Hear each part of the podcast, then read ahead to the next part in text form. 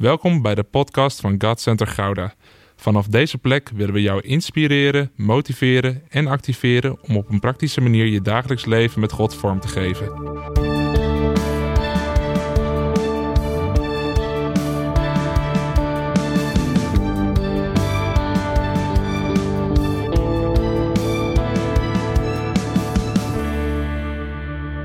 Hey, wat leuk dat je weer luistert. Vanaf deze plek willen we je toerusten vanuit het woord van God en in de praktijk van het leven. Dat doen we omdat we jou belangrijk vinden. Daarom willen we investeren in jou. We zijn bezig met een mooie serie over de Heilige Geest en dit is het laatste deel alweer. We hebben gekeken naar wie de Heilige Geest is, hoe we met hem kunnen leven, naar de vrucht van de Geest. En vorige week hebben we gekeken naar het begin van de gaven van de Geest. We hebben een fundament gelegd over hoe belangrijk het is voor het christenleven en het Koninkrijk van God. En dat we moeten beseffen dat het koninkrijk van God bestaat uit het bovennatuurlijke. Want dat is namelijk de natuur van God. En omdat het negen zijn, de gaven van de geest, hebben we vorige keer het fundament gelegd en de eerste drie behandeld. En gaan we in deze podcast kijken naar de andere zes. Ik help je nog heel even opfrissen. De negen gaven van de geest zijn in te delen in drie groepen van drie. De openbaringsgaven, de krachtgaven en de inspiratiegaven. Vorige keer hebben we gekeken naar de openbaringsgaven, woorden van kennis, wijsheid en onderscheiden van geesten. En nu gaan we inzoomen op de kracht en de inspiratiegaven. En laten we beginnen bij de krachtgaven, de gaven van geloof. Ik weet nog heel goed dat ik in Ecuador was en we waren op huisbezoek bij een gezin dat deel was van het Compassion project. We waren met een Compassion reis en we troffen daar een alleenstaande vader met drie kinderen aan. En deze man had enorme pijn in zijn rug en hij kon daardoor amper nog werken. Hij was alleenstaand, drie kinderen te voeden, erbarmelijke omstandigheden. En ik werd op een moment bevangen door verdriet. En terwijl het gesprek verder ging, gebeurde er iets in mij. Ik ervoer zo sterk dat God deze man wilde genezen. En hoewel ik in de situatie was waar het niet heel gewoon was om voor genezing te bidden, in mijn groepje was nou, dit soort gebed niet zo heel erg bekend. De vertalers hadden er geen ervaring mee. Voelde ik een geloof in me opkomen, waardoor ik wel moest bidden. Dus ik in mijn houtje touwtje Engels naar houtje touwtje Spaans vertaald begon te bidden en legde de man de handen op. En toen we amen zeiden, vroeg ik aan hem of hij nog pijn had. En de pijn was weg. Ik voelde op dat moment zo'n geloof opkomen waarvan ik wist dat het niet van mezelf kwam, maar ik wist dat God deze vader zou gaan genezen. En dat is geloof dat bergen kan verzetten, zoals Matthäus 21 beschrijft. Het komt niet vanuit onszelf, maar het is een gave van de geest. En het is een geloof dat we over het algemeen niet continu hebben, waar we niet continu in wandelen, maar wat wordt aangewakkerd door de geest in bepaalde situaties en momenten. En laat duidelijk zijn, dit gaat niet over het geloof dat de redding biedt dan zou iedereen die de gave niet had, niet gered kunnen worden. Het geloof dat redding biedt, geloof in de Heer Jezus, is voor iedereen toegankelijk, helemaal. Waar we het nu over hebben, is een geloof dat bestemd is voor de bediening. Een geloof dat opborrelt, waardoor je een zekerheid hebt en dat die in je opstaat dat het onmogelijke wel mogelijk is voor God, zoals Marcus 10, vers 27 zegt. Ook is dit geloof vaak nodig om uit te stappen in andere gaven. Dus we gaan ook vaak samen met elkaar. Om een woord van kennis of wijsheid uit te spreken, is het geloof nodig dat God spreekt. Om uit te stappen in gaven van genezing of de kracht om wonderen te verrichten, is ook een bovennatuurlijk geloof nodig. Je kan zeggen dat de gave van geloof in veel momenten het fundament is waarop de andere gaven vloeien. En de gave van geloof werkt dan ook nauw samen met het woord van God. Op basis van het woord wordt ons geloof gegeven dat op zo'n moment versterkt wordt. God werkt door zijn woord heen. De Heilige Geest wijst ons op zijn eeuwigdurende, trouwe woord om geloof te doen ontspringen. Dat was de eerste gave van vandaag. De tweede is de gave van genezing. En lange tijd is er gedacht door christenen dat de gaven bijvoorbeeld bedoeld zijn voor enkele leiders. De kerk, en de kerk dat ben jij, werd buitenspel gehouden en er was geen onderdeel van dit gedeelte van Gods werk. De waarheid is dat de gave van de geest in 1 Korinthe 12 wordt uitgelegd aan iedereen. Dit was niet een brief die alleen gericht op de leiders was. Nee, de gaven zijn voor de gelovigen. Paulus schrijft aan de broeders en zusters. vers 1. Hij geeft aan dat er één God is en die ze bij iedereen teweeg brengt, vers 6. En hij verstevigt dit punt daarna nog een keer door in het volgende vers te stellen dat de geest in iedereen zichtbaar aan het werk is ten bate van de gemeente. En dit sluit naadloos aan bij Marcus 16, vers 17 en 18, waar Jezus spreekt over een ieder die tot geloof is gekomen. Het lichaam van Christus bestaat uit iedereen die tot geloof is gekomen. Elke christen is daar deel van geworden en heeft een onmiskenbare functie in het lichaam. En de Heilige Geest is in elke bekeerling komen wonen en de gaven van de Geest zijn niet slechts aan enkele toebedeeld. Geloof is een belangrijk facet als het gaat om bidden voor genezing. Het is een katalysator voor de genezende kracht van God. Maar wanneer iemand niet direct geneest, zullen, kunnen we nooit zeggen dat het komt door een gebrek aan geloof. We leven in een gebroken wereld waar verschillende facetten meespelen.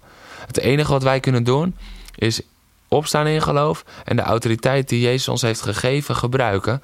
En dan mogen we mensen de handen opleggen en voor genezing bidden. We mogen in het woord gaan staan en uitstappen en die handen op de zieken leggen. God verlangt ernaar om jou en mij te gebruiken. En het klopt dat er bij sommige mensen dan vaker mensen genezen als bij anderen. We geloven dat iedereen gebruikt kan worden in de gave van genezing. En sommigen hebben echt een genezingsbediening gekregen. Dat zien we ook in de tijd van de apostelen. Ook tegenwoordig zien we dat sommigen geroepen worden in de bediening van genezing. En dat betekent niet dat de gave van genezing exclusief voor hen bedoeld is. Iedereen kan erin worden gebruikt, maar het is hetzelfde als profetie. Iedereen kan een profetie ontvangen, een profetisch woord ontvangen. Maar sommigen zijn echt in de bediening als profeet gebruikt. Jesaja 53, vers 4 en 5 leert ons dat Jezus onze ziekte droeg en dat zijn striemen ons genezing brachten. En hij heeft elke ziekte gedragen. Daarom mogen we altijd met onze ziekte naar de grote geneesheer. Hij is de bron van onze hoop, genezing en heling. En daarnaast is het ook zo mooi dat de Bijbel handvaten geeft wat te doen als er niet direct genezing uh, doorbreekt. Dat vinden we vaak een moeilijk punt. En vaak is dat ook een struggle om te gaan bidden voor genezing, de angst dat het niet doorbreekt.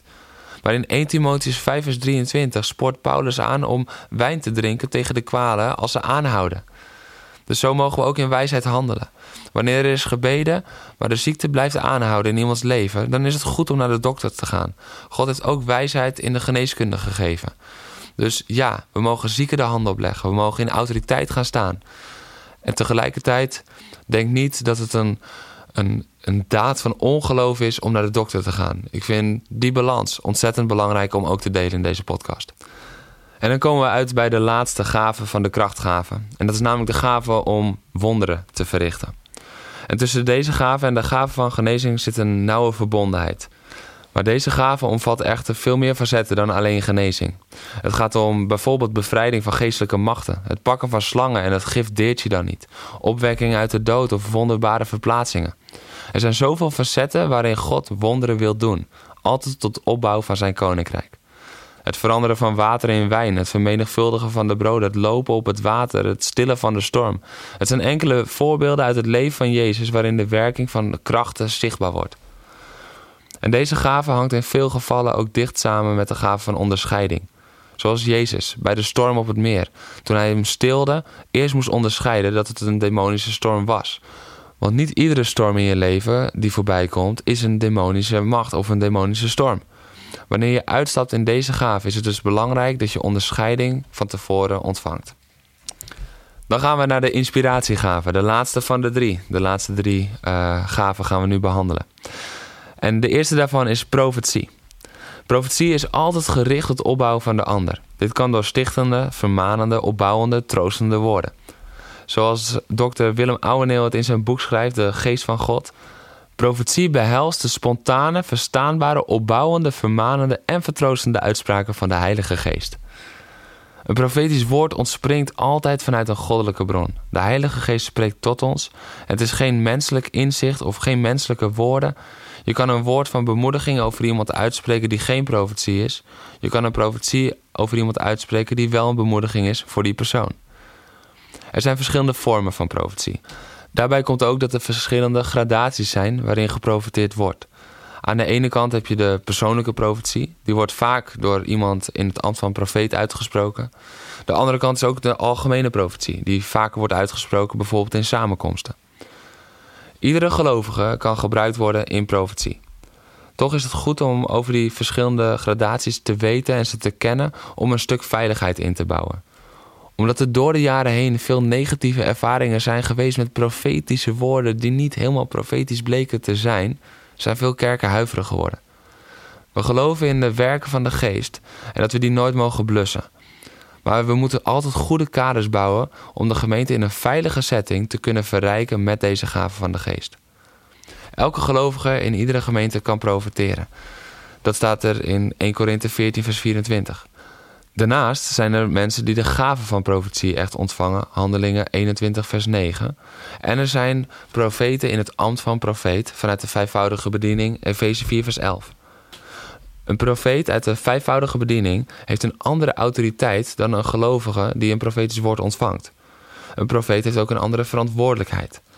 Daarom is het belangrijk te erkennen dat er een richtinggevende profetie niet zomaar door iedereen kan worden uitgesproken.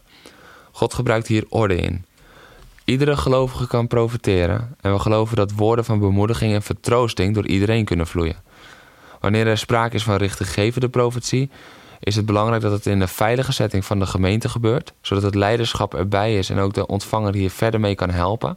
En dit wordt door God veelal gesproken door mensen die in het ambt van profeet, de bediening van profeet, zijn aangesteld. Een profetie is nooit een toekomstvoorspelling. Dat vind ik belangrijk om er nog bij te zeggen. Het is altijd voorwaardelijk. Ten diepste is het een openbaring van Gods plan voor iemands leven. En we zijn vervolgens zelf wel verantwoordelijk om hiermee aan de slag te gaan. Als we geen gehoor geven aan de woorden en ervoor weglopen, zal de profetie ook niet in vervulling gaan. Het is dan het geopenbaarde plan van God en dat is niet minder waar. Het is een gevolg van het niet wandelen op de route die hij heeft geopenbaard wanneer het niet gebeurt. Het is nooit te laat om terug te keren naar de weg die God heeft klaargemaakt voor je. Misschien heb je jaren geleden al een woord ontvangen en denk je nu van, oh, maar ik heb het gemist. Het is belangrijk om te weten dat God genadig en geduldig is. Misschien is de weg er naartoe anders, maar zijn plan staat vast. De tweede inspiratiegave is het spreken in tongen. Het spreken in tongen is opbouwend voor iedere gelovige in veel facetten. Het heeft ook meerdere doelen in ons leven. Tongentaal gebeurt door de Heilige Geest, maar belangrijk om te weten is dat de gelovige altijd in controle blijft. Uiteindelijk is de gelovige het die ervoor kiest om het te spreken, waardoor de geest de taal kan geven. En het is een taal die niet te leren valt, het is puur en alleen door de geest gegeven. Tongentaal is een bovennatuurlijke uiting van de geest door de gelovige heen. En tongentaal is een van de bewijzen van de innerlijke vervulling met de Heilige Geest. Dit betekent niet dat wanneer iemand niet in tongen spreekt, dat we ontkennen dat diegene met de Geest vervuld is. Dat is een grote misvatting die jarenlang heeft rondgereisd, als het ware, in Nederland. Tongentaal kan voor verschillende zaken zijn. Het kan een boodschap zijn richting de gelovigen.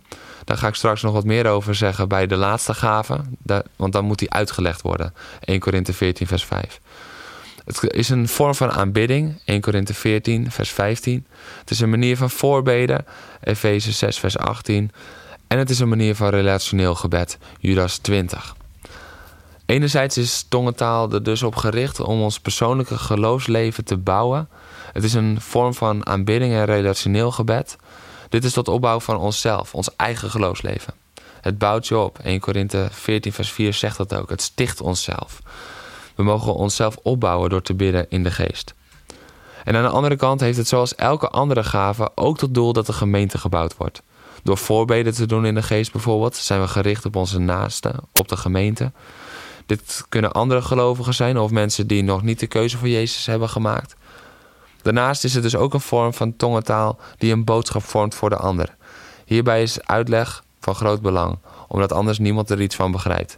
En dat brengt me op de laatste gave. En dat is het uitleggen van de betekenis van tongentaal. Tongentaal die verticaal gericht is, is gericht op God en die hoeft niet uitgelegd te worden. Als we bijvoorbeeld in de samenkomst in aanbidding zijn en je bent in tongen aan het bidden, dan is dat relationeel gebed of een aanbiddingssfeer. Dan is dat gericht op Hem en hoeft het niet uitgelegd te worden. Dit is tussen de gelovigen en God zelf. Wanneer er een boodschap in tongentaal wordt verkondigd, dan is er sprake van een horizontale uiting en dient het wel uitgelegd te worden. En let op, er wordt nergens gesproken over een directe vertaling, maar de Bijbel spreekt over een uitleg, een interpretatie van wat er gesproken wordt. Dit kan door de persoon zelf komen, maar het kan ook door iemand anders zijn die de interpretatie van de geest ontvangt. En het spreken in tongen tot mensen heeft hetzelfde doel als profetie, namelijk tot opbouw van de gemeente. En daarom is dan die uitleg onmisbaar. En ik wil nog een kleine laatste opmerking maken. En dat is namelijk uh, ja, de verwarring die er is rondom tongentaal. Omdat het ook een van de gaven van de geest is, um, twijfelen mensen soms of het voor iedereen is. En wij geloven als gemeente dat het voor iedereen is weggelegd. En dat wanneer het echt is in de gave, dat dat dus ook op anderen gericht is. En dan is dus ook die betekenis van belang. Uh, dan krijgt het een andere dimensie. Dat heeft niet iedereen. Maar God wil tongentaal geven aan ieder kind van hem. Dit was het fundament over hoe de gaven werken en hoe we ze kunnen herkennen. En het is zo mooi om ons daarin te laten gebruiken door God. En ik moedig je ook aan om erin uit te gaan stappen. En vind je dat spannend? Ga met iemand meelopen die er wel in uitstapt, zodat je kan leren. Laat je erin onderwijzen en doe ervaring op onder de vleugels van je leiders. Want we verlangen daarnaar om met de gemeente te stappen in die gaven en de volle werking van de Heilige Geest te beleven met elkaar tot opbouw van anderen en van zijn koninkrijk. Dit was het laatste gedeelte over de Heilige Geest. Volgende week starten we met een nieuwe serie. Volg ons op de socials om te horen waar die over zal gaan. En dan zien we elkaar dan weer. Tot dan.